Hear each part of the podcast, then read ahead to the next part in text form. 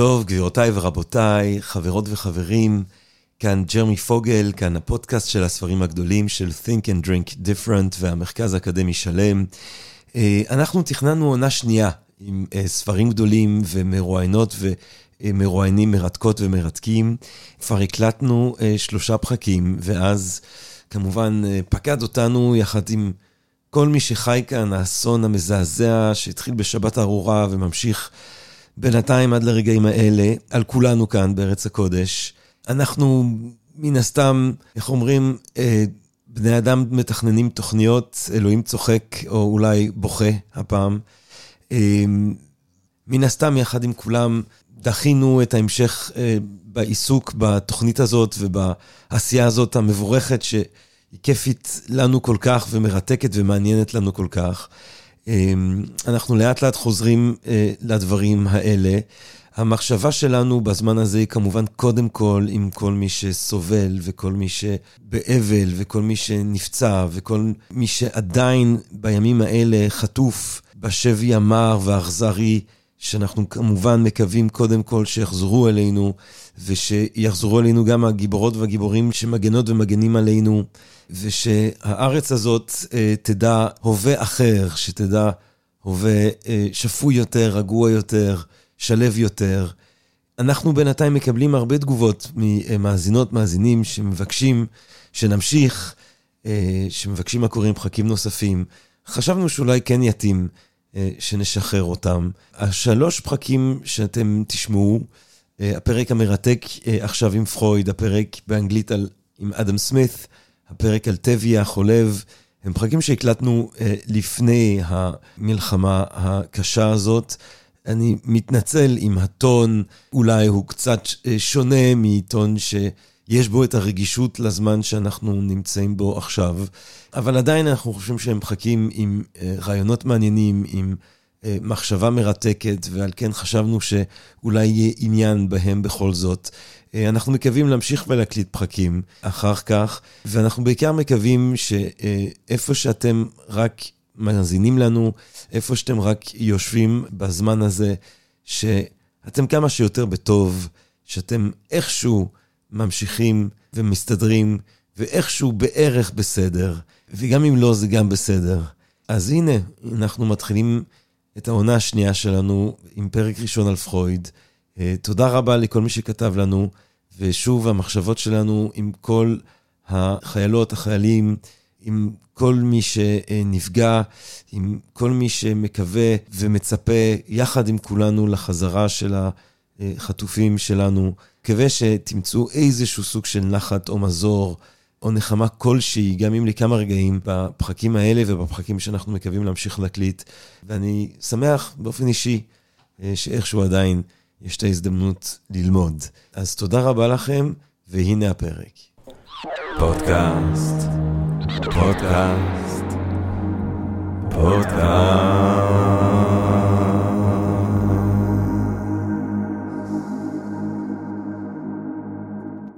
טוב, גבירותיי ורבותיי, ברוכות וברוכים הבאים לפודקאסט של הספרים הגדולים, הפודקאסט של Think and Ring Different והמרכז האקדמי שלם. אני ג'רמי פוגל, ואנחנו רוצים להתחיל עם רגע של הודיה.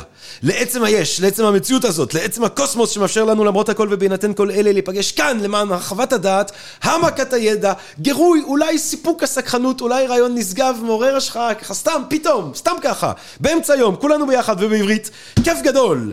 אה, אנחנו כאן במרכז האקדמי שלום, בירושלים. ירושלים, יש מקום כזה, מסתבר. מי ידע? ירושלים קוראים לו.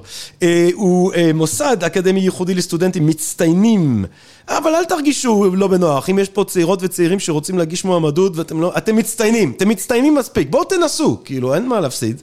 אה, סטודנטים מצטיינים הפועל במודל ה-Liberal Arts בהשחת האוניברסיטאות העילית האמריקאיות. הוא מעניק השכלה רחבה ומעמיקה בנושאים רבים כמו פילוסופיה, היסטוריה, ספרות, מדעים, יהדות, אסלאם, כלכלה ומחשבה חברתית. בשלם נותנים משקל רב לקריאה של ספרות מופת ולקריאה של ספרים שלמים. אה, עמוד ראשון, עמוד שני, שלישי, עד הסוף, רעיון שכזה, וגם הפודקאסט הזה הזה יוקדש כל כולו לספרות אה, או לספרים הגדולים. Think and Drink Different, גבירותיי ורבותיי, עשור של פעילות תרבותית ענפה, הרצאות, רטריטים, אה, בואו לראות אה, את כל מגוון הפעילויות שתובל רוזנבסר מציע לנו ב-thinkdrink.co.il. טוב. היי, איזה כיף לנו היום, כי היום אנחנו אה, נזכה ככה אה, לטייל בתודעתו המדהימה, העמוקה, הגאונית, של אחד מגדולי הגדולים ואחד מהגיבורי תרבות, גיבורי הגות, גיבורי הרוח המועדפים עליי, סיגמונד פרויד, גבירותיי ורבותיי, סיגמונד פרויד, סיגיסמונד שלמה פרויד, שלומפי. אה, כשסיגמונד פרויד מת, מפרסם אודן, המשורר אודן, שיר יפהפה עליו, והוא אומר, פרויד זה לא דעה אחת, כן, פרויד זה אקלים של דעות, תחתיו אנחנו חיים את חיינו השונים. ואני חושב שיש על מעט מאוד אנשים, אפשר לומר, שהם הסריטו, כן, את התרבות המערבית, שהם שינו אותה.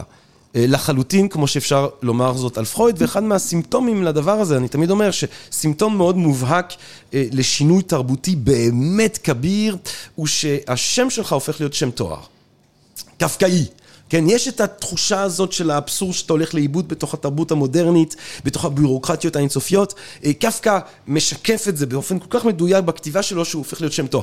איינשטיין, אומנם זה שם עצם, אבל זה גם מתאר מישהו. אתה אומר, אה, הילד הזה זה איינשטיין, ברור שזה, הילד הזה גאון. פרויד משאיר עולם ומלואו, כן? זה רגע פרוידיאני, כן, היה לנו מקודם. יש גם את הביטוי אנאלי, למשל, כן?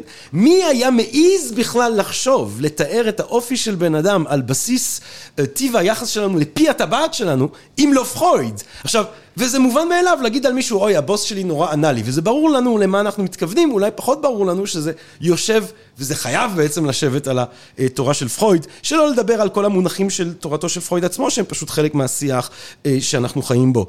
אם זה האיד, אם זה אודיפוס, אם זה האודיפוס כתסביך אודיפוס וכולי וכולי וכולי וכולי.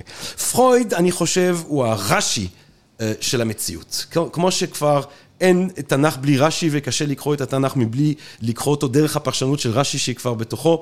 ככה אנחנו חיים בעולם שכבר אי אפשר לחשוב עליו אולי מונחים שהם לא פרוידיאנים. איך הוא אומר כשהוא מגיע לארה"ב, הבאתי איתי את הדבר כולנו נדבקנו, פרויד זה האימי אימא של הווירליות במובן הזה, ופרויד המאוחר יותר, אחרי שהוא ביסס ככה מבחינתו את העבודה הפסיכולוגית, המדעית, או ככה הוא קיווה לחשוב את מה שהוא עושה, הוא מתפנה לחשוב על סוגיות תרבותיות רחבות, כלליות, על הציוויליזציה האנושית, על מקורה של הציוויליזציה האנושית ועל תקוותה.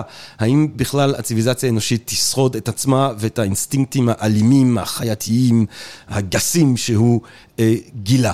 אה, אחד מהספרים הבולטים במגמה הזאת של פרויד שמנסה לחשוב ככה אה, את הציוויליזציה האנושית באופן רחב יותר, Das Unbehagen in der Kultur, תרבות בלא נחת, Civilization and its Discontents, הוא הספר הגדול, האדיר, הענק, עליו אנחנו נדבר היום עם גבירותיי ורבותיי, לא אחר מאשר הבן אדם שאיתו פתחנו את סדרת הפרקים האלה שלנו, כאשר הוא דיבר על האודיסאה, דוקטור עידו חברוני, גבירותיי ורבותיי, דוקטור עידו חברוני כאן איתנו היום, ואני חושב שזה יפה שאחרי האודיסאה אתה בא לדבר איתנו על פרויד, היות האהבה הפרויד הגדולה לעולם הקלאסי, והיות שגדלותו של פרויד היא לא פחותה בעיניי מזאת של הומורוס. דוקטור עידו חברוני עשה תואר ראשון בפסיכולוגיה וספרות באוניברסיטת בר אילן, שזה כבר התחלה מעולה כדי לדבר על פרויד. הוא עשה את הדוקטורט שלו בתלמוד באוניברסיטת בר אילן. הספר חיות הקודש, ייצורי הפרא בבית מדרשם של חז"ל, יצא ב-2016 בידיעות אחרונות. עידו חברוני הוא כיום מרצה בכיר במרכז האקדמי שלם, הוא היה בין המעצבים של תוכנית הלימוד כאן במרכז האקדמי שלם. דוקטור עידו חברוני, שימו לב, הלך ללמוד נפחות כדי לפתור את המחלוקת העתיקת ימים בין רבי יוחנן החתיך לריש לקיש. וגילה שריש לקיש צדק. ועל זה אומרים, אם רק היית יכול להיות אז, היית מציל את ריש לקיש ממוות, וגם את רבי יוחנן משיגעון וממוות. אבל היינו מחמיצים סיפור טוב. היינו מחמיצים אחד מהסיפורים הכי יפים, והכי גם טעונים, הומואירוטית, אם נרשה לעצמנו להיות פרוידיאנים בתלמוד. גבירותיי ורבותיי, בואו נדבר על פרויד, בואו נדבר על תרבות בלא נחת, בואו נדבר עם דוקטור עידו חברוני. דוקטור עידו חברוני, שלום רב. שלום, שלום. טוב, אני אוהב לקשקש את עצמי לדעת, אבל בוא נחתוך ישר לווריד הצבא. עורק, אני שמעתי שתיקנת את עצמך. זה עורק, לא, אבל אני, זה, אתה מבין, אני תקוע עם הטעות הזאת, טעות התרגום הראשונית שלי. קדימה. וריד הצוואר זה נהיה משהו שאני חייב להגיד אותו, למרות שזה באמת ביולוגית עורק. בוא תתאר לנו אולי את מה שמוביל את פרויד מהניתוח של נפש האדם לכתיבה הזאת, שתרבות בין לא נחת היא חלק ממנה, הכתיבה הרחבה יותר שעוסקת בשאלות ציוויליזציונריות כאלה. טוב, אז טיפה ביוגרפיה.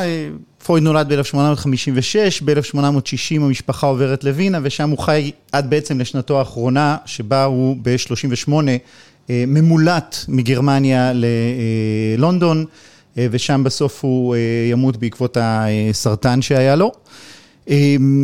מה שחשוב באמת זה ההופעה... יש לומר שהוא בוחר ככה בצורה סטואית. וזה קורה ביום הכיפורים. נכון, זה למדתי השנה, לא ידעתי את זה. גם אני, זה מחדש לי. מנות הולכות וגוברות של מורפיום. מורפיום, כן. הוא אהב סמים בכלל. כן, פרויד על קוקה בתחילת דרכו, בטח. בהחלט. מה שמעניין זה לראות אותו מהרגע הראשון, יש לאיש חוש דרמטי מדהים, ויש לו תודעה מאוד מאוד ברורה של מה הוא עושה. לקח זמן מבחינתו עד שהעולם הכיר את זה, כי ב-1900, כשהוא כבר בן 44, מתפרסם הספר הראשון שלו, פשר החלומות, וממש לא מצליח כמה שנים, הוא נכנס לחובות והוא מפסיד והוא לא מצליח, ובמקביל אליו, בשלב הזה כולם יודעים מי זה פרויד, אבל לא זיגמונד, אלא אלכסנדר. אלכסנדר פרויד, אחיו הצעיר, הוא כבר פרופסור בשלב הזה, והוא כתב, שים לב, את רב המכר, תעריפי רכבות והקשר שלהם למדיניות הסחר. היה לו טור שביעי בעיתון על הנושא הזה, וכולם עקבו אחריו, כי הרכבות היו ההייטק. הרכבות היו שיא הקדמה הטכנולוגית, ואלכסנדר פרויד מאוד עניין אנשים, מי יודע מי זה היום? ניסיתי למצוא את הספר הזה, אפילו לא הצלחתי. וואו. אבל כשפשר החלומות מתפרסם, פשר החלומות הוא ספר מוזר שאף אחד לא מתעניין בו, ואלכסנדר הוא משהו אחר. וזה כבר נותן לנו משהו. הדבר השני הנורא מעניין, יש עוד עובדה אחת כמובן, הספר לא יצא ב-1900, אבל פרויד רצה את 1900 על הכריכה, כדי לציין... כדי לכונן את המאה ה-20. בוודאי, את המהפכה, את המעבר, והוא עשה את זה בהחלט. ומה שאומר כמעט הכל על הספר הזה, זה המוטו שלו. ובפתיחה לספר מופיע המוטו, המוטו כמובן לא כתוב מאיפה הוא, והוא מופיע בלטינית, כי כל איש ואישה יודעים לקרוא לטינית, נכון? בווינה. וזה, אם אני קורא נכון בלטינית, פלקטרה סי נוקוואו סופרוס אחרונטה מובבו. זה לקוח מתוך האינייס, והנה לנו כבר אפיון מאוד גדול. מבחינת פרויד, הספרות הקלאסית היא מורה דרך. הרבה פעמים הרבה יותר מאשר מחקר, הרבה פעמים הרבה יותר מאשר מידע מדעי, למרות שהוא חושב את עצמו וטוען לאורך כל הדרך שהוא מדען, הספרות היא עבורו הרבה פעמים אסמכתה הרבה יותר משמעותית מ-references, אתה יודע, למחקרים או דברים מהסוג הזה. עכשיו, מאיפה לקוח המשפט הזה? אמרנו מהאינייס, והוא בחר אותו בקפדה. כי המשפט הזה מופיע באיניאיס ברגע מאוד מכונן, בקצרה מאוד מה זה האיניאיס, האיניאיס הוא המיתוס המכונן של העולם הרומאי במהפך לקיסרות, לעולם מאוד מסודר, pax romana, כן, שליטה מאורגנת, שלום, התפתחות אדירה, ציוויליזציה, נכון, הבסיס בעצם לכל מה שהפכה להיות אירופה, ויש שם שליח מטעם האלים, האיניאס, הוא צריך להביא שלום וסדר, ויונו, הרה, אשתו של זהוס, היא שונאת אותו, היא רודפת אחריו, היא לא מצליחה לשנות את דעתם של העליונים, כן, מי שמנהלים את העולם, זהוס והפנתיאון, והיא פונה לעזרת כוחות השאול. וזה המשפט שהיא אומרת, הציטוט שהוא בוחר זה, אם אינני יכולה לטלטל או להזיז אותם מדעתם את העליונים, אני אפתח את שערי השאול. וזה גם נאמר בלשון נקבה. זאת אומרת, פרויד שם כמוטו אמירה בשם אישה כרגע דחויה, עוצמתית, שפותחת את שערי השאול. Mm. הוא יודע שהוא פותח את השאול. זה מה שהוא עושה כשהוא מפרסם את הספר הזה מבחינתו. הבאתי איתי את הדבר. אז, אז באמת אבל בתחילת הדרך, אז אנחנו, יש קודם כל כמובן את הטיפול הפסיכואנליטי, שבהתחלה הוא מפתח אותו עם ברויר, ויש את התורה הפסיכואנליטית, ששוב, היא כבשה את העולם, השאול הזה כבש אותנו עד כדי כך שאת הבסיס שלה כולנו זוכרים, המודע, התת מודע, ההדחקה, ההדחקה גורמת לנורוזה, צריך לשחרר אותה דרך הטיפול וכולי וכולי וכולי. יש את האיד, האגו, הסופר אגו, את ההתפתחות הפסיכוסקסואלית, את כל המרכיבים, המרתקים האלה, חלקם שנויים במחלוקת של תורתו הנפשית של פרויד, אבל אז באמת, בספרים כמו עתידה של אשליה, ואולי ספציפית בספר שאנחנו עוסקים בו היום, תרבות בלא נחת, הוא מתחיל לחשוב שאלות הרבה יותר רחבות. כן. דבר איתנו על, ה, על, ה, על, ה, על העניין הזה שלו. הספר הזה הוא, הוא בעצם ממש המשך אה, של אה, עתידה של אשליה, הוא כאילו תגובה לתגובה בעצם אה, בסופו של דבר. באחד המכתבים שלו הוא כותב שהוא חשב לקרוא לספר הזה האומללות שבתרבות, ובסוף הוא החליט משהו כזה, אי הנחת, אי הנחת מהתרבות, אי הנחת שבתרבות, כן, אפשר לתרגם את זה בכל מיני צורות. ואכן זה מופיע אחרי עתידה של אשליה. זאת אכן יציאה קצת מוזרה של אדם מחדר הטיפולים החוצה, זו אחת גם הבעיות של פרויד, כי בעצם כל ימיו הוא טיפל בקבוצה מאוד מסוימת של אוכלוסייה, כן, באליטה של וינה, בעיקר בנשים, אה, ומתוך זה הוא ניתח את כל העולם ואת כל המציאות. זה לא, שוב, לא גורע מהברק ומהעוצמה והעומק של התיאורים שלו, אבל עדיין הם מאוד מסוימים. אה, למה הוא עושה את זה אני לא יודע, אני לא עשיתי פסיכואנליזה לפרויד, אבל זה אכן מעניין התנועה הזאת, והתנועה הזאת גם מביאה לאיזה סוג של שינוי. כשהשינוי הנורא נורא משמעותי הוא שבעצם כל עוד אני עובד בחדר הטיפולים ואני עובד עם היחיד, אז האינסטנציה שהוא קרא לה הסופר אגו, האני העליון, כמו שתורגם לעברית, היא הנבל. אז בואו נגיד על זה רק מילה ונזכיר, מבחינת פרויד, וזה החידוש הגדול, כן, הלא מודע, הוא עולם, לא סתם דברים ששכחנו, שאנחנו לא יודעים, הוא בעצם אה, אה, קלחת תוססת אה, רכ... יצרים תוססים, משהו כזה, ככה הוא קורא לזה. זאת אומרת, יש איזה משהו שכל הזמן בוער ומבעבע, ומשתלט או מתערב בהתנהלויות שלנו דרך החלומות, דרך and Sleeps, נכון, דרך הכשל הפרוידיאני, אפשר לראות את הנוכחות שלו בכל מיני מקומות, ואז הוא כאילו עוקב אחריו, הולך בעצם אל השאול ומחפש אותו. יש לנו אינסטנציה נוספת שמתפתחת אחר כך זה האגו, האיד, בואו נזכיר, הוא פעיל על פי עקרון העונג, הוא רק שואף עונג, זה יהיה הבסיס גם לתרבות בלא נחת, לכן זה חשוב. האגו לומד להתעסק עם המציאות ובעצם עוזר לאיד לממש עד כמה שאפשר את התשוקות שלו למול המציאות, למציאות, צריך לזכור, זה אגו. הפסיכולוגיה שלו היא פסיכולוגיית אגו. בסוף אנחנו ממוקדים באגו, באינסטנציה הזאת שעוזרת לנו לחיות בתוך המציאות, זאת האינסטנציה שמעניינת אותנו. אולי זה מועיל באמת המטאפורה הזאת של הפרש המפורסמת. הסוס, הכוח המניע, זה האיד, חוקי הדרך. אה, זה הסופר אגו, והאגו אה, זה הפרש שמנסה לנווט את האיד לנווט את העוצמה, בדיוק, הם לא כן. יכולים זה ללא זה בסופו של דבר, ואז ישנו הסופר אגו שהוא באמת נוכחות לא ברורה, זאת אומרת הנוכחות של המוסר אה, ונקיפות מצפון, ייסורי מצפון, בעצם בעולם שבו יש איד ואגו, למה שיהיה מוסר? למה שבכלל יהיה לי אכפת? אני יכול להבין למה שאדם ישמור על חוקים מפחד, זה אני יכול להבין. אה, וזה קצת מה שדיברנו גם בעולם בעצם ההומרי. בעולם ההומרי בעצם לכאורה, ככה נראה, אין מצפון. אין שפה פנימית של אשמה. זו תרבות שאנחנו קוראים לה תרבות של בושה, מה שקורה בחוץ. הוא מביא אפילו בתוך הספר הזה את מה שהוא מכנה פרדוקס המנדרין, כן, זה לא שלו.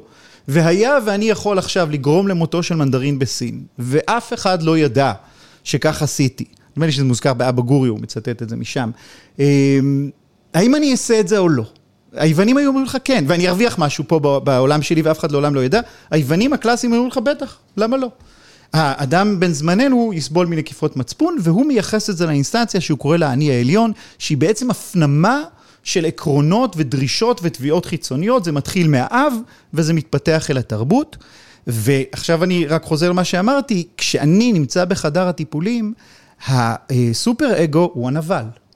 הוא מי שמפריע לי בעצם לממש עד כמה שאפשר מול המציאות את הרצונות והתשוקות שלי. ולכן הוא תמיד הנבל. זה צריך לזכור את זה, המוסר בחדר הטיפולים הפרטי, המוסר, המצפון, האשמה, הסופר אגו, זה הנבל בדרמה הפנימית. כן, הנבל? כן, כן, לגמרי. הוא זה שגורם לנו את כל הצרות. הוא זה שגורם לנו לכל כל התסביכים שלנו, כל הבעיות שלנו, כמעט כולם נובע, נובעים ממנו. אבל אפשר גם להגיד שהאיד הוא הזה ש, שגורם לכל הצרות האלה. אבל האיד הוא הדבר היחיד האמיתי מבחינת פרויד. יש רק איד בהתחלה, וזה ברור, ככה הוא אומר, היה רק איד. כן. אנחנו קודם כל איד, כי איד הוא יושב לגמרי, יש פה איזו תנועה לא ברורה, כן, מביולוגיה לנפש, איד זה ביולוגיה. זה זהה לעקרונות הביולוגיים, למקסם את העונג בעולם, את המימוש העצמי בתוך ההקשרים, כשצריך רק לווסת את זה מול המציאות, ולכן אי אפשר מימוש מלא של עונג, אלא מימוש חלקי, זה מציאות. מאיפה נכנס מוסר? מאיפה נכנס מה שיוצר מגבלות שהן הרבה מעבר למה שאני צריך? זאת אומרת, אנחנו מגבילים את עצמנו מלעשות דברים. זאת אומרת, אם אני אגנוב, ברור ששירתתי את עקרון העונג שלי. אם יובטח לי במאה אחוז שאיש לעולם לא יתפוס את הגניבה שלי, המצפון שלי, לרובנו, כן, אם יש לנו מצפון טוב, לא ייתן לנו לעשות את זה. למה?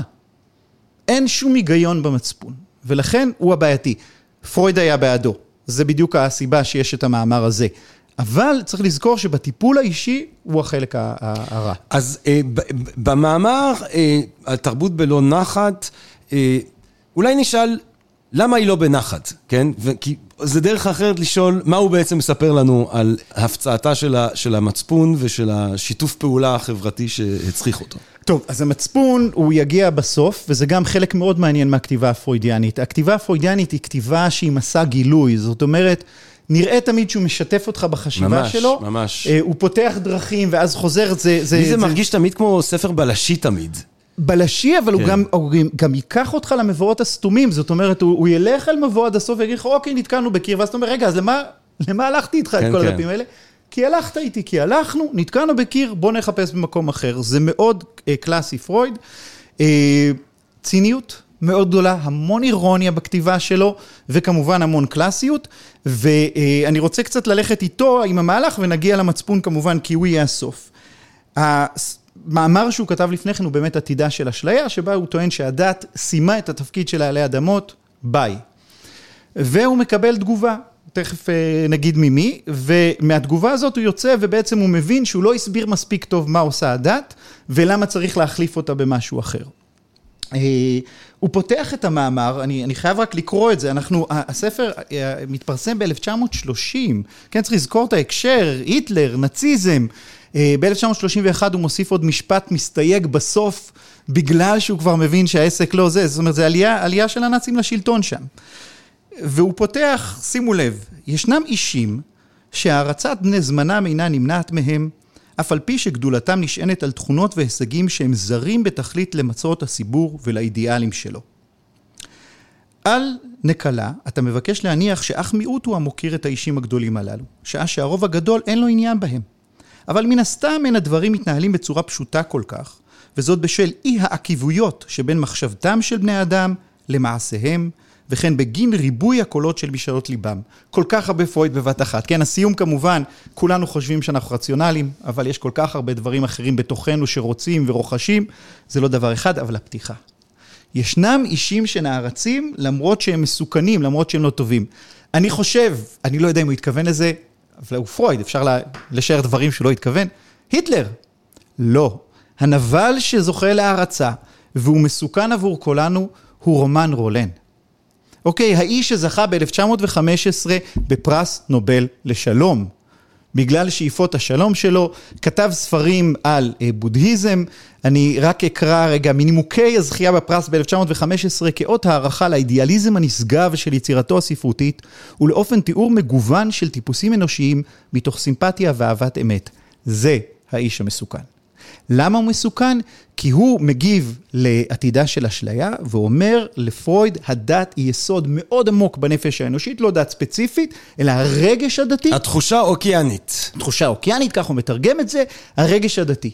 ופרויד אומר, אתה, אתם, והוא יסגור את המעגל בהמשך ונסביר איך, אתם המסוכנים, אתם האנשים שגורמים לנו לחיות, לחיות באיזה סוג של אשליה על זה שהעולם הוא מקום טוב, על זה שמובטחת ישועה או גאולה, על זה שאנשים הם טובים, אתם הנבלים האמיתיים. כי אתם מונעים מאיתנו לקרוא את המציאות באמת. אה, לקראת הסוף, הוא יעיר הערת שוליים חינוכית, והוא יגיד שמי שמחנך ילדים ולא מזכיר להם קודם כל את כוחו של הארוס, ואחר כך את היצר ההרסני, התוקפני של האדם, משול למי ששולח אנשים לאלפים עם מפות של איזה אגמים, אתה יודע, של סנטרל פארק, או משהו כזה. ככה הוא אומר, אתם, הוא אומר, אתם צריכים להגיד לילדים, אנחנו שואפים למציאות טובה, אנחנו שואפים שאנשים יהיו מוסריים, אל תגידו להם שהמציאות מוסרית ושאנשים טובים. אתם מזיקים להם. וזאת הטענה, הוא זה הסביר משהו אותה מאוד פרוידיאני בעצם, אה, אה, המחשבה, אה, מחשבה משאלתית זה משהו שמדבר עליו בעתידה של אשליה, כן? שמחשבה משאלתית, wishful thinking, זה משהו שאתה, מר- זה להרים להנחתה, כי מתישהו המציאות נוטה להתפוצץ לך בפנים, ואז אם חשבת שאתה חיית באיזה מציאות ורודה יותר על המידה, זה יקשה עליך הרבה יותר מאשר מה שהוא מאפיין תמיד כתפיסה הבוגרת, שבו אתה מבין שהדברים קשים, אתה יוצא מנקודת הנחה שהיא לא אופטימית יתר על המידה, אה, וככה אתה בעצם הרבה יותר מסוגל להתמודד עם האתגרים האמיתיים של החיים. וזו בדיוק מה שהוא אה, מאשים, הוא מסיים את הפרק הראשון שבו הוא תוקף את אה, רומן רולן, הוא מנסה להגיד, יש לי שני הסברים, הרגש האוקיאני הזה שלך, או שהוא שארית מתקופה שבה נולדנו וחשבנו שאנחנו אחד עם העולם, לפני שלמדנו להבחין בין השד של אימא לבין התשוקות שלנו, בהתחלה חשבנו שזה אחד, אבל בסוף הוא אומר, הרבה יותר נראה לי שזה פשוט התשוקה שלנו לאבא הגדול שיבוא ויציל אותנו, ואנחנו משליכים את זה על יצור שקוראים לו אלוהים. והוא אומר, בסוף הוא מצטט אה, משיר של אה, שילר, יגל כל הנושם שם באור הוורדרד, זה מתוך שיר שנקרא צוללן, וכאן אני שוב, משהו שהזכרתי, לצעוד עם פרויד זה גם אה, מסע מודרך אה, בתוך שירה ויצירות. ממש. ב, ב, אה, רק בכלל במאמר בתוך הזה... התרבות האנושית, כאילו. זה, זה מדהים, במאמר הזה יש פה, זה, עכשיו אני מצטט את אנטוני סטור שכתב עליו, הוא אומר שבכתביו של פרויד יש יותר אזכורים לגתה ולשייקספיר מאשר לכתביהם של פסיכיאטרים. כן, כן. ובמאמר הזה כמובן יש גתה, שילר, יש היינה, שייקספיר, רבלה, סוויפט. לפחות, אם לא פספסתי אף אחד. אבל, אבל אני רוצה שוב שנייה להגן על אה, רומר רולן, או יותר ספציפי להגן על יחסו של פרויד אליו. כי אמנם יש את הפתיח שאומר את מה שאומר, אבל, אבל הוא מיד גם אומר שיוצא מהכלל זה החבר שלי, זה בן אדם דגול שאני מתייחס אליו כאל חבר. אבל אומרת, לא, הוא אומר, זה אחד האנשים שחושבים שהם חברים שלי. אתה רואה, זה גם שאלה של אירוניה, ויכול להיות שזה שאלות של. חושב, אתה חושב שהוא אירוני כאן? הוא אומר, אחד האנשים האלה חושב שהוא חבר שלי. הוא קורא לעצמו, כן. אחד האנשים המצוינים האלה מכנה עצמו במכתביו אליי בשם ידידי. נו. אני רואה את זה כאירוני. מעניין, אני לא חשבתי על זה ככה אף פעם. טוב, אני צריך לקרוא את זה שוב עכשיו. אני, אני חושב ש... אה, ו, וזה ממשיך לאורך כל הדרך, זאת אומרת, גם ה... בסוף, זה, זה אבל מה הוא גם אומר, הוא גם אומר, אה, אה, אה, זה חבר שאני מכבד אותו, זה... והם מתכתבים אחד עם השני בידידות, כאילו, באמת שהוא יהיה ציני ככה בצורה בוטה לבן אדם אני חושב שזה מאוד מתאים לפרויד, הוא, הוא, הייתה לו איזו נטייה מסוימת, זה כמובן קשור ל- לאהבה הכי גדולה שלו, שזה יונג, וגם אחרי זה אכזבה מאוד גדולה מאנשים. הוא מתאהב באנשים כי הוא חושב שהם איזה סוג של שיקוף שלו, ואחר כך יש גם אכזבה מאוד גדולה, אבל פה אני עושה לו יותר מדי ניתוח. אבל הוא מסיים את הסיפור הזה עם ציטוט מתוך שילר, ואני אזכיר רק בקצרה את הסיפור, כי זה כבר אומר. ה- הצוללן הזה של שילר זו פואמה שבה יש איזה מלך שזורק איזה גביע יפה לתוך איזה מערבולת נוראית במים, מזמין את כל האבירים, מי שיצלול יקבל את הגביע היפה הזה, בסוף איזה נושא כלים מוכן לצלול, מציל את הכוס הזאת, ואז הוא שר שיר תודה ואומר, יגל כל הנושם שם באור הוורדרד. כן, המלך, אשרנו שאתה באור הוורדני הזה, כן, היפה הזה, אתה גורם לנו אושר. ואז המלך שומע קצת מה קורה שם, ורוצה שהוא ילך עוד פעם פנימה. והוא מתעקש, והבת שלו רוצה אותו, והוא שולח אותו עוד פעם פנימה, והוא לא יוצא משם. והוא אומר על רומן רונן, הוא אומר, אתה האיש הזה שנושא תהילה למלך, אבל אתה לא לוקח בחשבון שהצעד הבא, שהמלך הזה יתמלא בחמדנות והוא ישלח אותך עוד פעם מתחת למים ולא תצא משם. כי בעצם רומר רולו, אה, וזה שוב בעקבות השאלה של פרויד והביקורת של פרויד את הדת, רומר רולו אומר, אוקיי, אתה מתאר את הדת כ... אה, אתה יודע, משהו, תמיד אני אומר שהטיעון, אה, שפרויד לא כל כך נותן טיעונים נגד קיומר של אלוהים, חוץ מלהגיד, "אה, כאילו, מה, באמת? וזה, כאילו, זה כל כך פתטי. כאילו, אתם צריכים, כן, נגד הנקסיסיזם, הפחד של ההיעלמות, אז יש עולם הבא, ונגד האכזבה באבא, שהוא בעצם בסופו של דבר קטן וחלש, אז יש אבא ענק, מטאפיזי, שלא יאכזב אותנו אף פעם, ובעיניי זה כל כך ילדותי וזה כל כך פתטי, ורומרו לא אומר לו, בסדר, אתה יודע מה, אבל בוא נדבר על החוויה הקוסמית הזאת, על החוויה האוקיינית, שבו אתה מרגיש חלק מהכל, שזה לא משהו שנותן מענה ברור לסוגיות הספציפיות האלה, כן? זה לא ברור שזה נותן לך מענה לאגו, כי בעצם מדובר בהרבה מהמסורות הדתיות כאל מוות של האגו, ולא בהכרח מדובר על משהו שנותן מענה לצרכים הנרקסיסטיים אז שלנו. איך זה משרת אותנו? אז זה בעצם זה- מה שפרויד כן. אומר. פרויד אומר, זה שריד של תקופה התפתחותית ראשונית. נכון.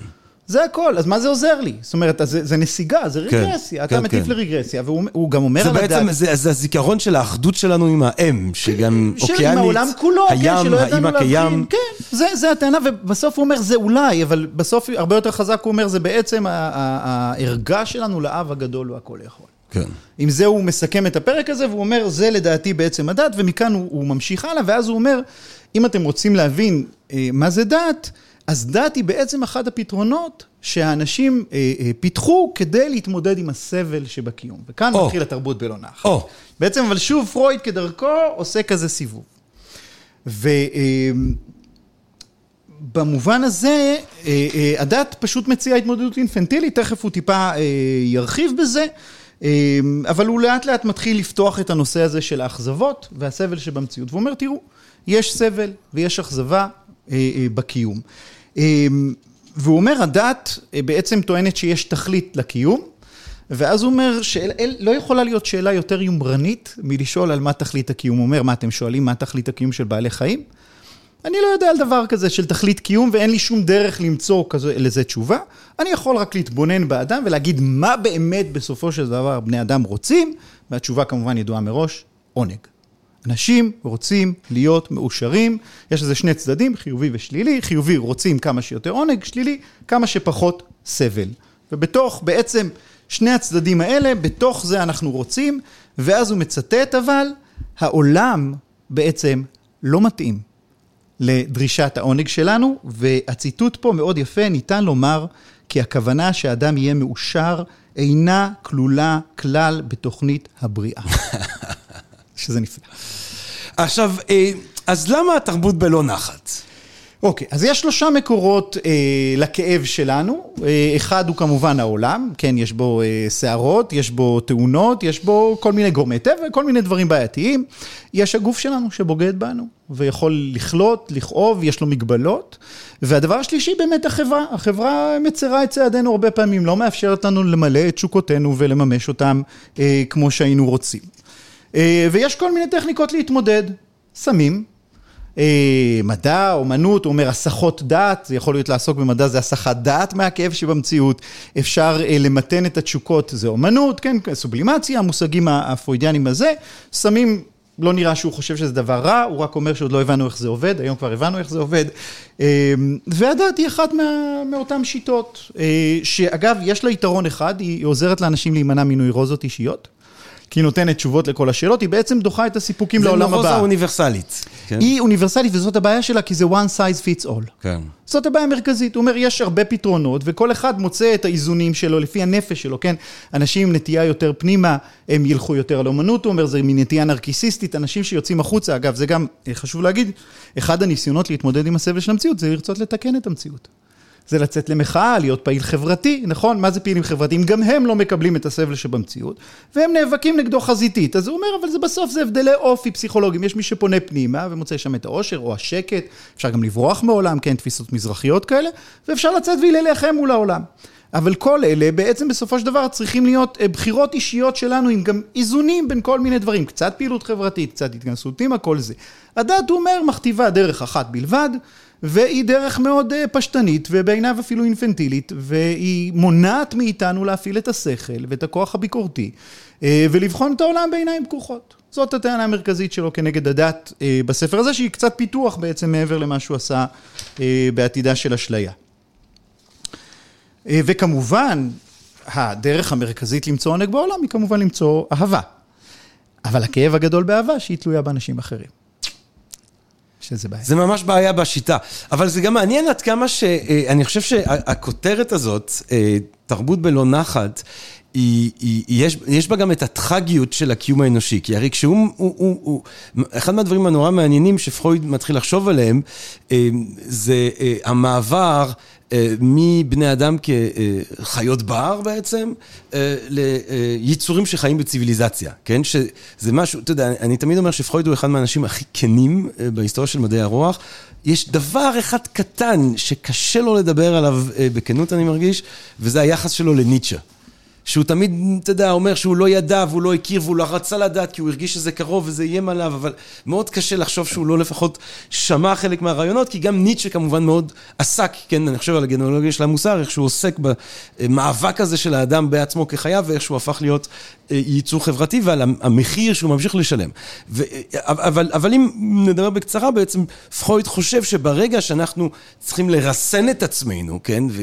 כל זכר, כן, כמו בעדר של אריות, או אם מסתכלים על עדר של אריות או עדר של גורילות, אז יש את האלפא אחד, שבעצם יש לו את כל המשאבים ואת כל ההזדמנויות, העונג והאהבה של העדר, כן, כי כל ההתרבות תהיה איתו. בעצם התרבות היא השלב שבו אנחנו מבינים שאנחנו צריכים לוותר על ה...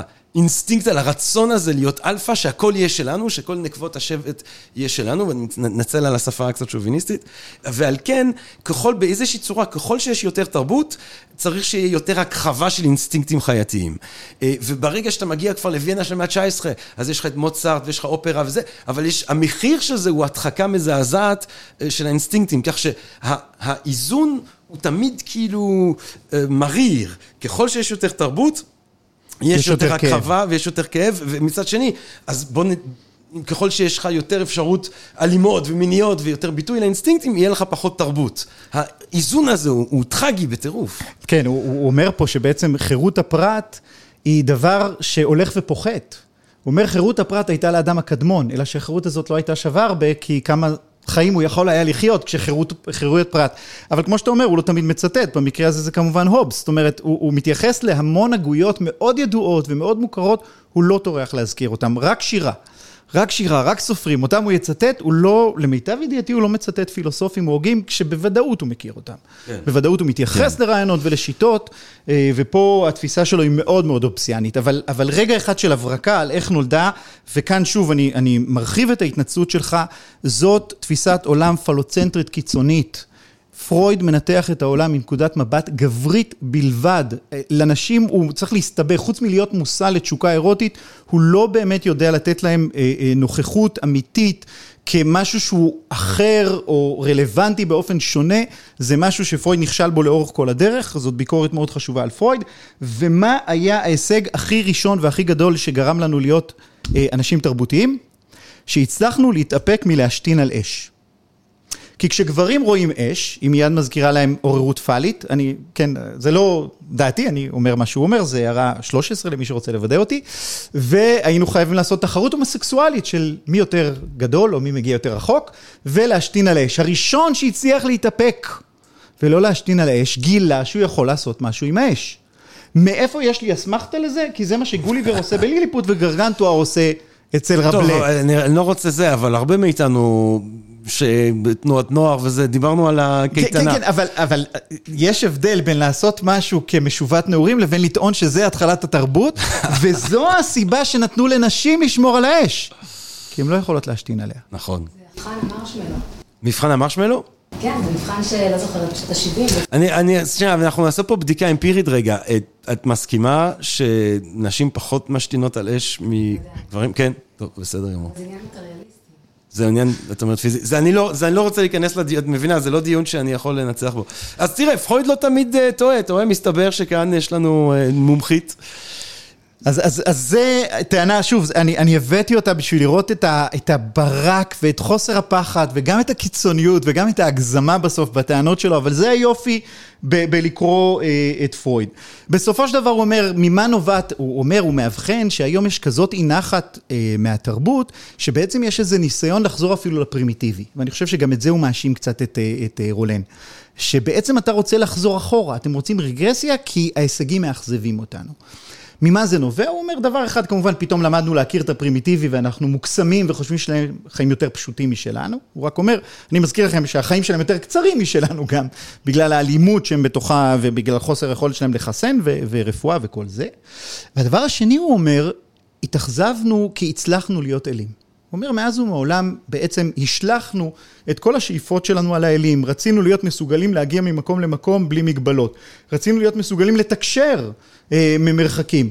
אנחנו יכולים לעשות את כל זה, הוא אומר, וזה עוד ב-1930, והוא עוד אומר, אני בטוח שהטכנולוגיות עוד יתפתחו. הוא אומר, אבל בסוף נשארנו, הוא קורא לזה אלים תותבים.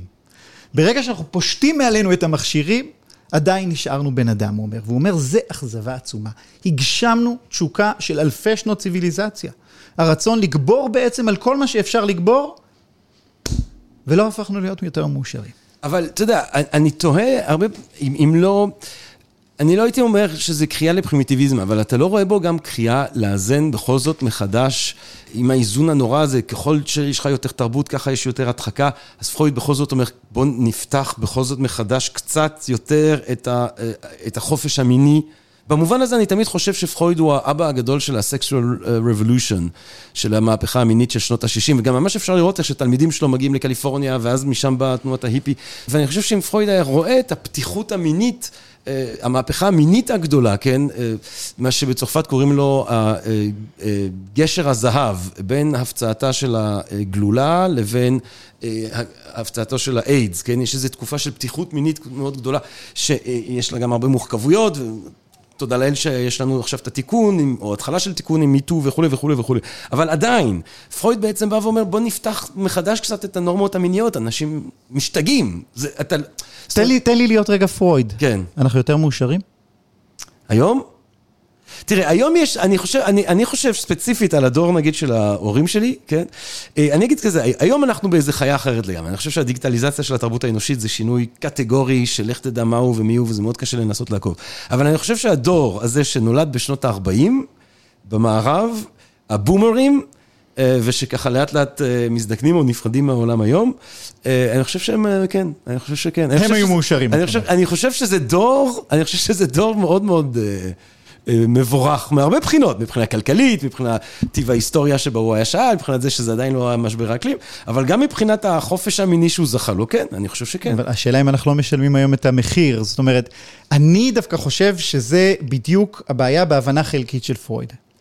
כי פרויד מצד אחד רצה שנכיר בתשוקה שלנו לעונג ובחייתיות, והוא לא רצה שנסתיר, והוא לא רצה ש, שנתעלם ונדחיק, אבל הוא גם לא רצה שנחיה את זה, כי הוא רצה שנדע כמה זה מסוכן.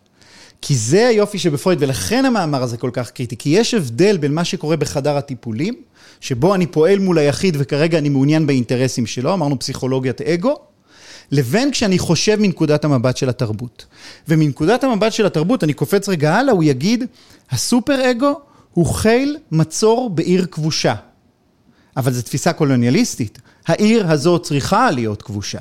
זאת אומרת, אני חייב עיר מצור. לא, אני, אני לא חושב שהוא אומר. בוא, בוא נפתח את כל השערים וכאילו בוא נהיה אה, לגמרי בונובואים. אבל אה, אותו קוף שחי בצורה של מיניות פתוחה מתמדת וגם לא אלים, שאגב, זו גם נקודה שפרויד שם לב אליו. אבל, אבל אני כן חושב שהוא למשל נאבק למען אמצעי מניעה, והוא כן, אני חושב... היה מוצא לנכון עולם עם מיניות יותר פתוחה מאיך שהיא הייתה בתקופה הוויקטוריאנית שמתוכה הוא צמח. זאת שאלה, זאת שאלה טובה, אני, אני באמת לא יכול לתת uh, תשובה, גם התפיסות שלו הולכות ומשתנות ומתפתחות. מי שאני uh, מאוד אוהב את הרעיונות שלה זה קמיל פליה, שממשיכה את הרעיונות שלו uh, בסקשואל פרסונה שלה, שזה היה הספר שבו היא פרצה.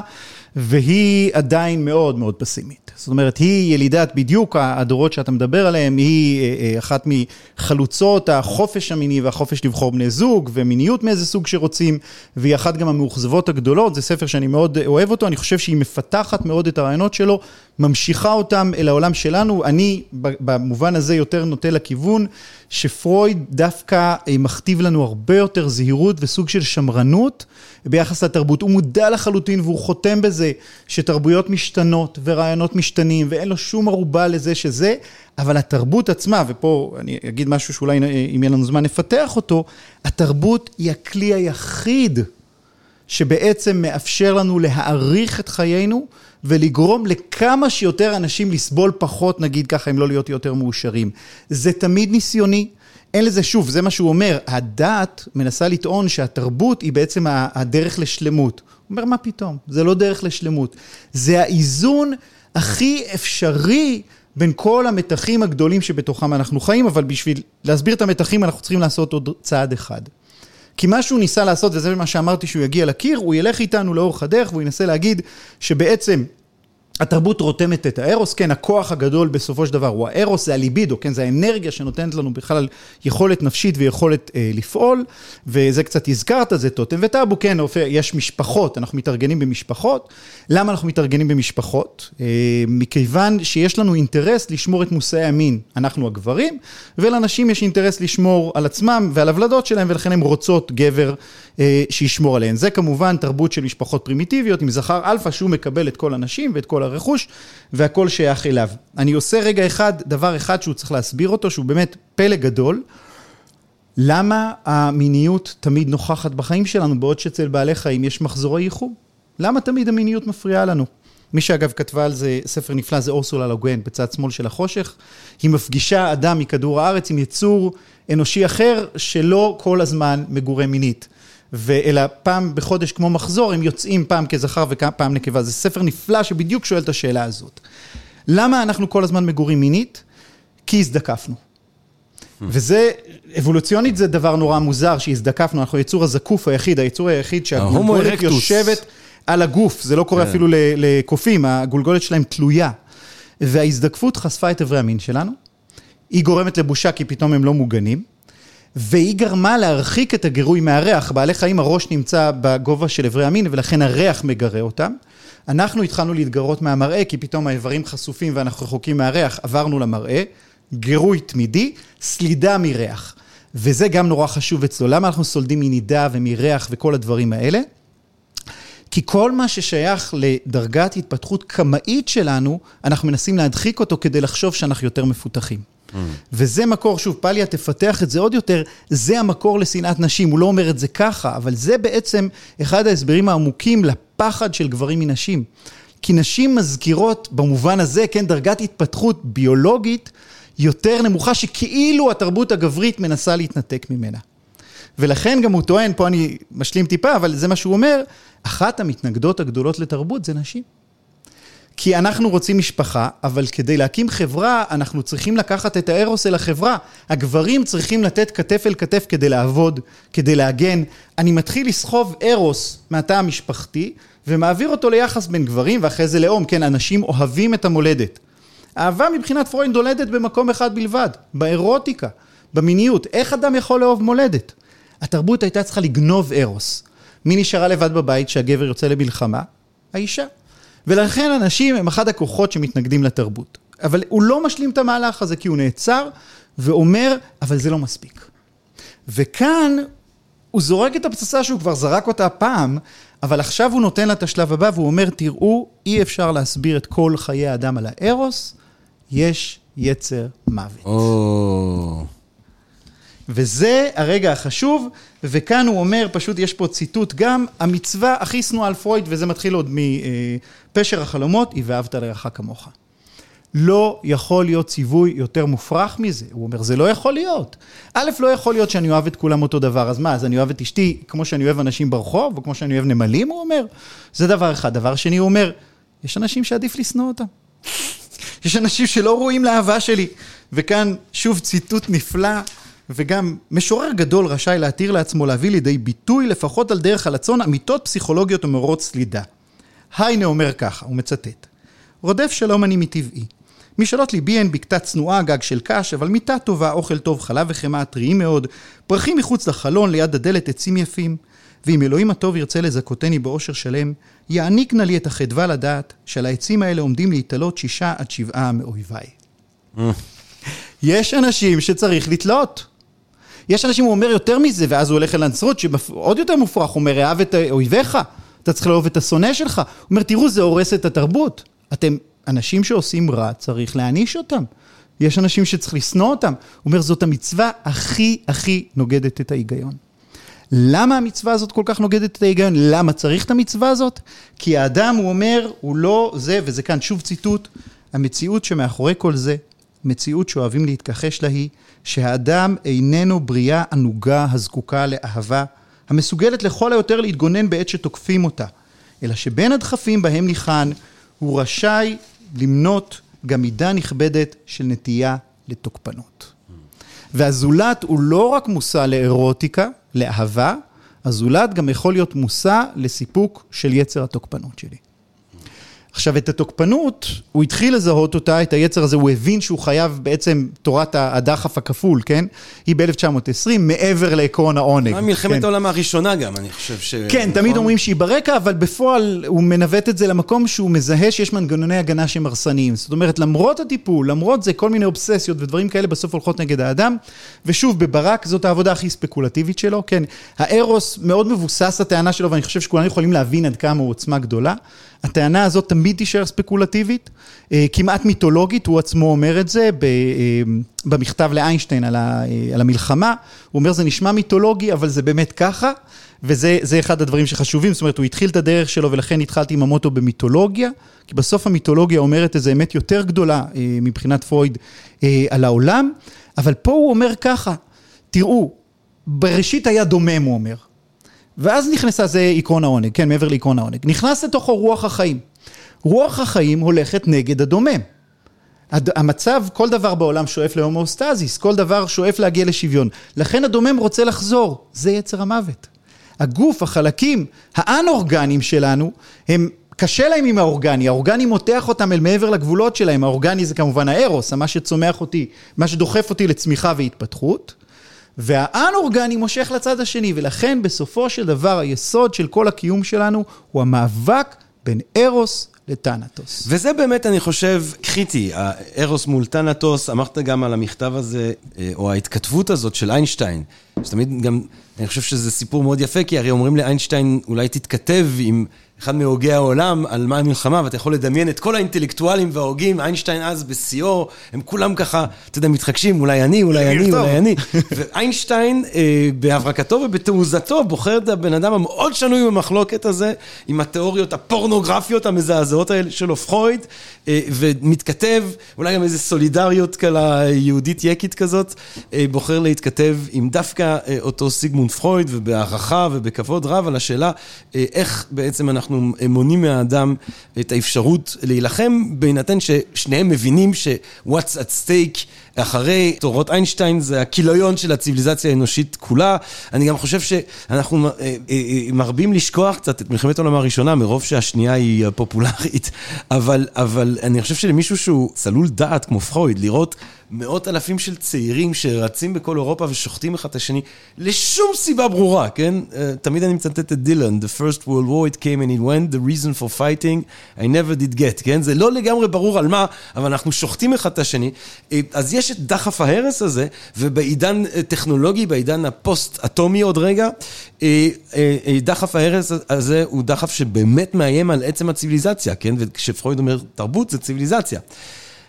על כן אני רוצה לשאול אותך על, ה, על, ה, על הצד הפרסקריפטיבי. כי, כי אולי באמת מה שנהיה מעניין עם פרויד, שהיה מאוד סולד מהמחשבה שנחשוב עליו כפילוסוף של המוסר, אבל זה שכן, הוא מתקטלג ככזה במידה מסוימת, כי אם הוא בתחילת דרכו דסקריפטיבי, אני כאילו מדען, וכמדען של הנפש אני הולך לנסות להסביר ולהבין את הנפש, ובעקבות זאת גם לשפר את יכולותינו לטפל בו. יש גם פה אג'נדה פרסקריפטיבית, שהיא איך לנסות לעזור לבני אדם לשרוד את עצמם. כן? ל, ל, ליצורים האלה, הלא ברורים, הלא מובנים לעצמם, עם כל הדחפים האלימים האלה. מילא דחפים אלימים כשיש לך מוט ברזל, דחף אלים כשיש לך פצצת אטום, זה הרפתקה אחרת לגמרי. דבר איתנו קצת על איך שפרויד, אם בכתיבה של איינשטיין, אם בספר או במאמר הזה, איך הוא חושב שאנחנו נדע לנווט את עצמנו לסיטואציה שבו כן נוכל לשרוד ואולי אפילו לשגשג יחסית. אז התשובה היא שהוא לא יודע. בזה הוא חותם, ובדיוק זה השורות האחרונות שנוספו. אבל יש לו הצעות.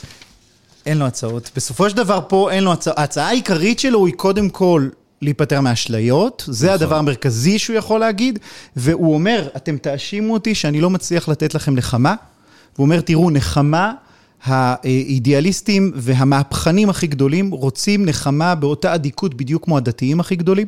את זה אומר, כולם רוצים לחיות באשליה, ואתם מצפים שאני אתן לכם נחמה, אני לא אתן לכם נחמה. אני אתן לכם מבט פקוע, אה, אה, מפוקח על המציאות, במובן הזה גם מבט שיודע שכל אידיאולוגיה היא עשויה להשתנות, ויש דרך לשנות אותה. שוב, במובן הזה אני חושב שפרויד, העצה היחידה שלו היא יותר זהירות ויותר דווקא שמרנות. פחות מהפכנות, פחות רגש מהפכני, פחות רגש דתי, לשני הצדדים מבחינתו הוא קצוות, הוא מזכיר פה את הקומוניסטים, הוא אומר שהרעיון הזה של ה- ה- ה- פיזור הרכוש באופן שווה נוגע לליבו, כמי שגדל בתנאים דלים, הוא אומר, זה מאוד קרוב אליי, טעות אחת בידם, הוא אומר, אם הם חושבים שאנשים רבים אחד עם השני בגלל הרכוש, הם טועים. אנשים רבים אחד עם השני בגלל שאנשים רבים אחד עם השני, בגלל שיש לנו יצר תוקפנות. הרכוש במקרה הזה התלות, תיקח להם את זה, זה יתפרץ ממקום אחר. ולכן הוא אומר, כל אידיאליזם, כל מי חושב, שחושב שהוא גילה את הבעיה, שבגללה יש בעיות במציאות, זה טעות. אבל לא היית אומר, עידו, ש, שדווקא המבט המפוקח הזה, אולי זה אה, ההצעה שלו, הוא מדבר, אני חושב ששוב בעתידה של אשליה, על הקול העדין של התבונה. שלא מקשיב, שהוא לא צועק והוא לא אה, אולי מלהיב, אבל שלא שותק עד שלא מאזינים לו. זאת אומרת, דווקא הקול המפוקח, אולי גם במובן הזה אני תמיד חושב על פרויד כממשיך של הנאורות, עם המטאפורות האלה של הבגרות. ההתבגרות זה בעצם יכולת לראות את הדברים כפי שהם, אה, אם נהיה יותר מפוקחים, אם נהיה יותר תבונים, אם נאזין יותר לקול העדין הזה של התבונה, אם, אם נפתח את המבט המפוקח שהוא כל כך אה, עמל עליו, אז אולי כן נוכל ככה לנווט את עצמנו בצורה יותר אה, ראויה. בוא, בוא נקרא את אה, בוא שורות נקרא, הסיום. יאללה. אה, בשורות הסיום הוא באמת לא יודע אם אנחנו נשחות, זה אני... אז זה מה שהוא אומר. דומני ששאלת גורל המין האנושי היא אם ובאיזו מידה יעלה בידי התפתחותו התרבותית להתגבר על שיבוש החיים בצוותא מכוח דחף התוקפנות ודחף ההכחדה העצמית. בהקשר זה ראויה אולי דווקא התקופה הנוכחית לתשומת לב מיוחדת. בני אדם הביאו את שליטתם באיתני הטבע למדרגה כזו שמסוגלים להשמיד זה את זה עד האיש האחרון, והם גם יודעים זאת. מכאן חלק נכבד מהשקט, מן האומללות, מתחושת הפחד שהם חווים כיום. עתה יש לצפות שהשני מבין צמד הכוחות השמימיים, הארוס הנצחי, יאמץ את כל אונו ויצא ממאבקו ביריבו בין העל מוות כמוהו, כשידו על העליונה. ועכשיו השורה האחרונה שנוספה, 31. ואולם, מיהו האיש המסוגל לנבא את הצלחתו ואת אחריתו של מאבק כזה? זה לא אופטימי. אה, אף אחד לא אומר שהוא אופטימי, לא, אף אחד לא אומר שהוא אופטימי. אני, אני, אני, אתה יודע, וגם גם ההצעה הזאת של הקול העדין של התבונה, של המבט המפוקח, הוא עושה אותו בצורה כל כך עדינה, בעתידה של האשליה, כשהוא אומר את זה, הוא אומר, תראו, אולי כדאי לנסות. יודע, מקסימום נחזור, אפשר תמיד לחזור למצב הנוכחי ולדת ולכל הדבר הזה, אבל אולי אפשר לנסות משהו אחר. כאילו, יש, יש לו רגע של, של ספקנות שהיא לא כל כך אופיינית לו, אבל אה, אני, אני חושב שזאת ההצעה שלו. It's not, זה לא, זה לא פתרון קסם, זה גם, אתה יודע, תמיד הבדיחה אצל פרויד זה שהוא חשב שצריך להיות עם מחלת נפש כדי להראות את הדברים כפי שהם, זאת אומרת, רק אנשים בדיכאון רואים את הדברים כפי שהם באמת. אה, מה הם מבחינתך הביקורות המעניינות ביותר על הספר הזה, כאילו? זאת אה, אה, שאלה מאוד מעניינת. תראה, יש פה שני דברים, ופה אני, אני אציג את עצמי כיונגיאני, כן? אני יותר הולך בדרך של התלמיד המורד שלו, אה, יונג, אה, כשאם... אני ארצה לסכם על רגל אחת באמת בצורה הכי הכי פשטנית, מה שיונג עשה זה כותרת של מאמר, עכשיו שכחתי את שמה וזה לא יפה מצידי, אה, מרגרט קלארק, קוראים לה פסיכולוגית יונגיאנית, ולמאמר שלה קוראים Suppose Freud had chosen Orestes instead. נניח שפרויד היה בוחר באורסטס. אה, וכאן צריך להסביר, נכון? פרויד טוען שהתסביך האדיפלי זה כולנו, כן? כולנו רוצים, מתאהבים באימא, כי היא מושא התשוקה הראשון, ולכן פוחדים, רוצים לרצוח את אבא, ולכן פוחדים ממנו ורוצים את האהבה שלו, וכל הקונפליקט הזה, כולנו מתפתחים ממנו. זה כמובן קודם כל סיפור של גברים. מה עם נשים? דרך שפילריין, נכון, התלמידה של יונג, הוא אמר לנו תסביך אלקטרה. מי זאת הייתה אלקטרה? אחותו, הדמות הלא חשובה של אורסטס, שהרג את אימא שלו כי היא רצחה את אבא שלו. במילים אחרות, מה שיונג אומר, אני איתך. המיתוסים הם סיפור עמוק מאוד של הכוחות הגדולים ממידת אדם שרוכשים בתוך כל אחת ואחד מאיתנו. ואם לא נכיר בהם, ואם נחשוב שאנחנו רק תבוניים, ואם נחשוב שבעזרת כל הרעיונות היפים שלנו אנחנו יכולים לסדר את העולם, אנחנו לא נבין את העולם, כי הכוחות האלה תמיד יהיו יותר גדולים מאיתנו, כי הם קיימים והם יציבים והם שם. אני רק לא מבין למה נדבקת למיתוס אחד. במובן הזה, אני לא מבין למה נדבקת רק לגברי. הנשי, ואגב, פה אה, פרויד אומר את זה באחת מהערות השוליים מאוד יפה, הנשי בנפש הוא לא פחות מהגברי. בסוף הביולוגיה מכתיבה לכל אחד, לכל נפש, האם היא תוכל לבטא את עצמה כגבר או כאישה. אבל הנפש היא לא גברית ולא נשית, ולכן יונג פה במובן הזה לוקח לגמרי, בלי פרויד שישכב על הגדר, יונג לא יכול לעשות כלום. פרויד הוא החושף הגדול, ויונג ידע להכיר בזה לדעתי אה, לכל אורך חייו, אבל באמת פרויד במובן הזה לא נותן תקווה, כי הוא נאחז במיתוס אחד. מה זה אדיפוס, אם אני הולך למחזה? הרי כל המחזה של אדיפוס מתחיל אחרי שהכל קרה. כל המחזה בעצם כטיפול, הוא רק שאדיפוס יכיר באשמה שלו, יישא בעונש, יעוור את עיניו ויצא לגלות. איזה תקווה יש לתורה ששמה את כל ההסבר שלה על כל העולם, על זה. אבל יש תורות שיש בהן תקוות, כן, המלט, למשל, שפרויד חשב שלא הצליח להוציא לפועל, אכן לא הרג את אימא שלו, אז דווקא אולי זה יותר טוב. ויש לנו את יצחק, שזה בכלל סיפור של אבא שרוצה לשחוט את הבן שלו. זה בעצם העולם שיון קרא לו ארכיטיפים. ישנו מרחב גדול של אה, מיתוסים שכל אחד מהם נותן מבנה ואפשרות אחרת, ולכן כשנתקעים, כן, בצד אחד, בצד של פסיכולוגיית האגו שלך, האדיפלית, אפשר לנסות ללכת, התרבות תלך ממילא, הוא יגיד, באמת עליית, אה, כל עליית הנשי, כל הסיפור הפמיניסטי, אה, מאוד מאוד הוערץ על ידי אה, יונג ותלמידיו, כמה מתלמידותיו, כן, פיתחו את כל התפיסה של פסיכולוגיה של הנשי, הראשון דווקא היה אריך נוימן. שהיה ישראלי וציוני, שגר פה בארץ, היה התלמיד של יונג. אבל זה נותן מרחב הרבה הרבה יותר גדול, ויש הרבה יותר תקוות, אתה לא יושב רק על הסבר אחד. אצל פרויד היה רק הסבר אחד, ושוב, מטריאליזם גמור. שום מקום לרוחניות. אצל יונג יש מקום מאוד גדול לרוחניות. הרוחניות היא יסוד קיים באדם לא פחות מיסודות אחרים, היסודות כאילו המטריאליים החייתיים. גם היסודות הגבוהים הם יסודות אמיתיים, וגם אם אתה מדחיק אותם והולך רק לחייתי של, שלך, אתה תסבול.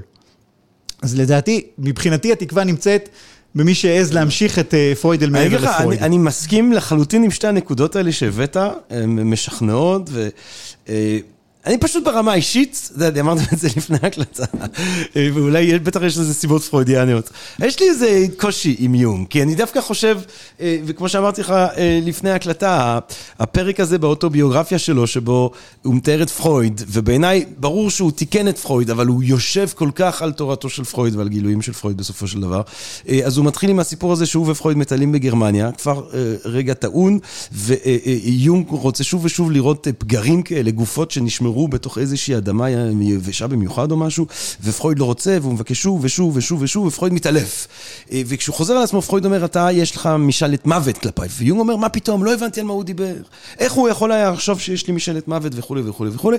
וכל הפרק זה ניסיון לחצוח את פרויד, להקטין את פרויד, אה, וללעוג לו על זה שהוא היה כל כך ממוקד על האינסטינקט המיני כאילו, הוא מתאר כאילו שיחות כאלה ש, שכאילו פרויד לא בשליטה מרוב שהוא לא יכול לקבל את זה שיש עוד משהו חוץ מהאינסטינקטים כן, המיניים. הוא אומר, הוא אומר שפרויד פנה אליו בטון כזה של אבא שאומר לבן שלו על ערש דווי, תבטיח לי שתלך לכנסייה בכל יום ראשון, כן, כן. אז תבטיח לי שתשמור על העיקרון האדיפלי כתשתית שלנו. ואני הרגשתי שזה לא, זה לא אלגנטי. זה לא אלגנטי, זה לא יפה, זה גם, אה, שלא, אתה יודע, יש לי, יש לי בעיות אה, פרסונליות מול יונג. אני, אני מעדיף את הרעיונות שלו בהרבה מובנים, אבל השתיקה אל מול האסון האסונות של השואה, ואתה יודע, ללכת לבקר את פרויד על ההתמקדות שלו במין, כאשר מבחינת התנהגות אישית, אני חושב שיונג היה, אה, אה, בוא נגיד, ברמה האישית, זה לא שהוא שלט ביצרים שלו יתר למידה וכולי וכולי, אבל זה לא רלוונטי, זה לא רלוונטי לרעיונות אולי, זה לא רלוונטי לרעיונות. זה, זה, זה אחד הדברים, ואם שוב, אם יורשה לי כאילו להכניס באמת את הכיוון שאני נמצא, הזכרתי לרגע, אריך נוימן הוא אדם לא מאוד מוכר, אבל הוא היה התלמיד של פרויד,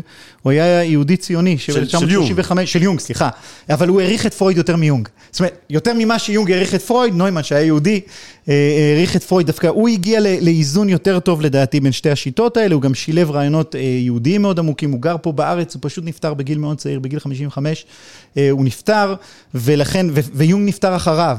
יונג סימן אותו לגמרי כיורש שלו, ואני חושב שהוא הצליח להביא לעוד שלב ולרמה הרבה יותר מאוזנת ועמוקה את הדברים, אבל במובן הזה, שוב, פרויד הוא גאון, הוא מבריק, הוא כמו שאמרת, אחראי להמון המון תפיסות שלנו. זאת אומרת, יותר ממה שהוא חשף מציאות, הוא עיצב מציאות, אבל אני חושב שכדאי להקשיב לו כי הוא יותר מאוזן מחלק מהתובנות שהפיקו ממנו אחרי זה, הקצינו חלק מהאמירות שלו ולא לקחו בחשבון את הזהירות שלו, את האמונה שלו בתרבות, את, ה, את הפחד שלו מעולם אה, בלי תרבות, הוא פוחד מאוד מעולם בלי תרבות, הוא רוצה תרבות, הוא יודע שתרבות היא רק מין אה, ניסיון של האדם לנהל ולנווט את עצמו בעולם, בדיוק כמו האגו אה, האישי שלנו. ואני אה, חושב שיש התפתחויות, זאת אומרת, מעבר לזה, יש מקום להמשיך ולחשוב על עוד יסודות ועוד אפשרויות, אבל פורצי דרך תמיד הם קיצוניים, והם צריכים להיות קיצוניים, אחרת הם לא יפרצו את הדרך. שאלה אחרונה, אה, דוקטור עידו חברוני, אנחנו 121, אנחנו 2023, עוד מעט 100 שנה. אה, לתרבות בלא נחת. איך, איך אתה רואה את הרעיונות האלה היום בהקשר של המציאות הדי שונה, הדיגיטלית, המטורפת הזאת שאנחנו אה, עדים לה היום? איך אתה חושב על, ה, על הנוכחות של, של פרויד בכלל, אולי ספציפית של הספר הזה, באקלים התרבותי, אנושי, פוליטי, עכשווי? אני יכול להתייחס למשהו אחד ספציפי, אה, והוא כשאני משווה אותו למרקס. הרי הוא, ניטשה ומרקס נחשבים לשלושת האיקונוקלסטים הגדולים. אבל ההבדל המאוד מרכזי בין פרויד למרקס, הוא שמרקס חושב שמאחורי אי הנחת שבקיום שלנו, יש אנשים רעים. יש מישהו שמרוויח ומייצר את האשליה עבורנו. וכל תיאוריות הקונספירציה היום הן מאוד חזקות, מכל הכיוונים, כן, אה, הימין חושב ככה, השמאל ככה, ה deep state, יש לנו המון תיאוריות קונספירציה. הדבר החזק בפרויד, ובמובן הזה מאפשר לנו יותר סלחנות, הוא שזה טבע האדם. זה לא קונספירציה. שזה גם טבע המציאות, טבע כן, החיים. זה כן, זה לא אנשים רעים שרוצים יפה. לגרום לכם לסבול, זה טבע האדם. בואו כן. נכיר כן. בעובדה הזאת. זאת אומרת, במובן הזה, בחדר הטיפולים גם אומרים עליו, הוא היה נורא חריף כלפי חוץ, בחדר הטיפולים הוא היה מכיל וקשוב. במובן הזה פרויד יכול ללמד אותנו להיות מכילים וקשובים.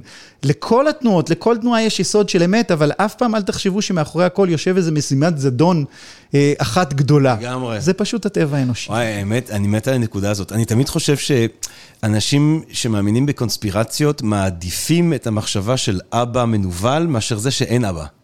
זה שאין מבוגר אחראי, שזאת המחשבה המבהילה באמת. עדיף לחשוב שה-CIA וג'ורג' דובלי בוש ארגנו את 9-11 מאשר לחשוב שבצורה כאוטית 16 צעירים יכולים לשנות את ההיסטוריה. בשביל זה יש שטן, הוא מדבר על זה במפורש. השטן, והוא אומר, זה התפקיד שהיהודים, הוא אומר, מאוד עזרו לאירופה. מרגע שפאולוס אמר שכל הדת היא רק אהבה, היה צריך לשנוא מישהו. Mm. איפשהו התוקפנות הייתה צריכה לצאת, והוא אומר, במובן הזה יהודים נתנו שירות מאוד גדול, כמובן באירוניה, כן. לעולם. אבל זה שטן, זה זה, אתה צריך שטנים, כי אתה לא מוכן להסתכל מול המציאות בעיניים פקוחות ולהגיד, אני מנסה להבין את המציאות בלי אלוהים, בלי שטן, רק עם טבע האדם. סיגמונד שלמה פרויד, גבירותיי ורבותיי, איזה יופי, דוקטור עידו חברוני. אה, אתה יודע מה, היות והיית פה בשביל תרבות בלא נחת, והיית פה בשביל אה, האודיסאה, אני שולח אותך על אי בודד. אתה או נוסע עם האיליאדה והאודיסאה, או עם ה-Standard Edition של ה-Complete Works של פרויד. עם מה אתה נוסע? ברור שעם האיליאדה והאודיסאה, כי אני מעדיף הדחקה על עיניים פקוחות. תשובה מעולה. אה, דוקטור אה, עידו חברוני, תודה רבה רבה לך אה, על הפרק המרתק הזה, וואי, איזה כיף. ותודה רבה לכם, לקהל הקדוש שלנו כאן בפודקאסט של הספרים הגדולים של המרכז האקדמי שלם ו-Think and Read Different. מקווה מאוד שנהנתם מהפרק הזה, מהפרקים שכבר הקלטנו, מאלה שבעזרת השם נמשיך ונקליט. ומה אני אגיד לכם בינתיים? אולי באמת נהיה פרוידיאנים לפעמים ונשכיל להסתכל עם מבט מפוקח. אם אין מבוגרים החיים, או מי שאמור להיות מבוגרים החיים, מסתבר שהם לא שפויים אה, בעליל. אה, אולי ננסה אנחנו קצת להיות המבוגרים החיים לפעמים, אה, ובינתיים רק בריאות, בגוף ובנפש. נשתמע, אהבה רבה, תודה רבה. פודקאסט, פודקאסט, פודקאסט.